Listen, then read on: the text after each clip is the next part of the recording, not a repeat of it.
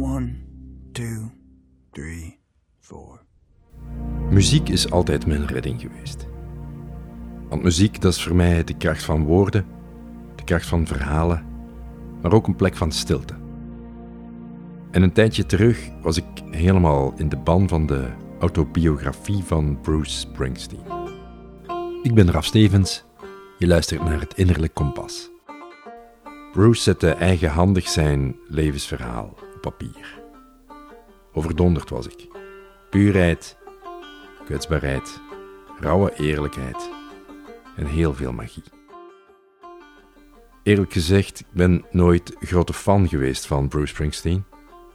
Maar zijn laatste album, A Letter to You, en de enkele interviews die hij erover gaf, raakten bij mij een snaar. Letter to You, een plaat vol verhalen. En de laatste jaren luister ik ook veel meer naar muziek die verstilling brengt. Zo kwam ook de avant-garde componist John Cage al eens uh, voorbij. Hij heeft ook een lezing gegeven, daarna uitgegeven in een boek, een lezing over stilte. When I hear what we call music, it seems to me that someone is talking and talking about his feelings or about his uh, ideas of relationships. But when I hear uh, traffic, the sound of traffic here on 6th Avenue, for instance, I don't have the feeling that anyone is talking. Dan is er niemand die spreekt. Niemand die een conversatie voert. Gewoon de manifestatie van geluid, luider, stiller, donker en licht. I have the feeling that uh, sound is acting.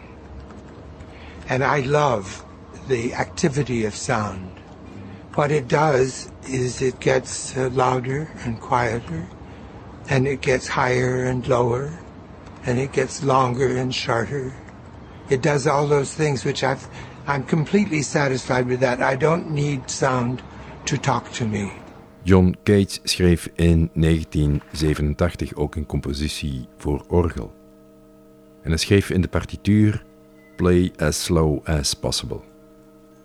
In de Domkerk in Halberstadt in Duitsland wordt deze compositie uitgevoerd op een bijzonder blokwerkorgel, waarbij er bij elke toonverandering steeds nieuwe pijpen worden bijgeplaatst.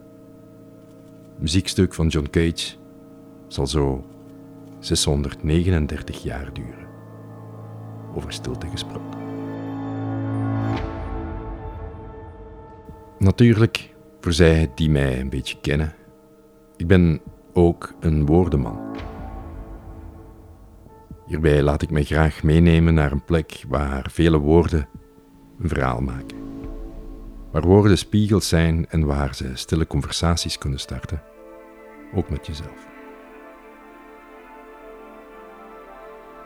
Terug even naar Bruce Springsteen en die documentaire die ik uh, zag, die bij de platen Letter to You hoorde. One, two, three, four. Daarin vertelt Bruce dat zijn muziek en met uitbreiding heel zijn carrière een lange conversatie is. A Letter to You als een conversatie tussen hem en zijn publiek. Laat dit even bezinken. Vertel het je nog eens. Dat zijn muziek, met uitbreiding heel zijn carrière, een conversatie is. Een conversatie tussen hem en zijn publiek.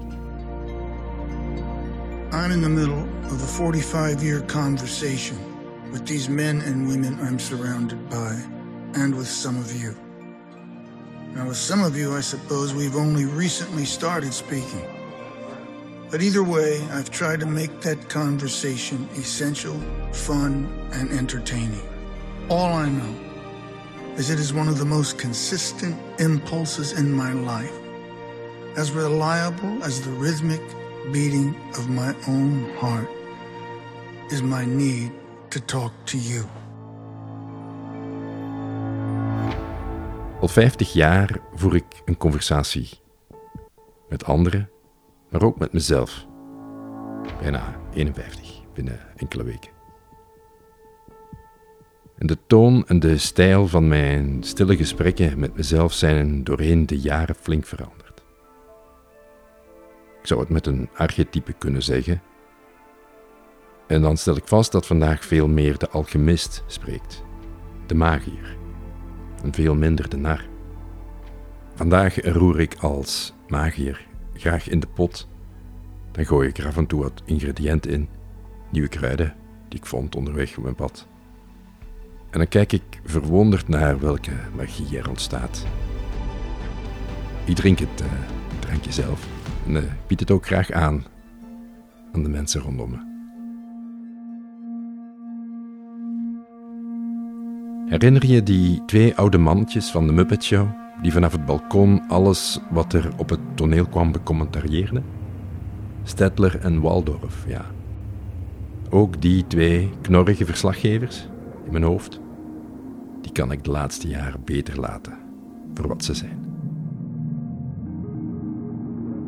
Net zoals Bruce Springsteen voel ik na jarenlang communiceren, communiceren met vallen en opstaan, ook vandaag nog steeds de brandende behoefte om echte conversaties te voeren.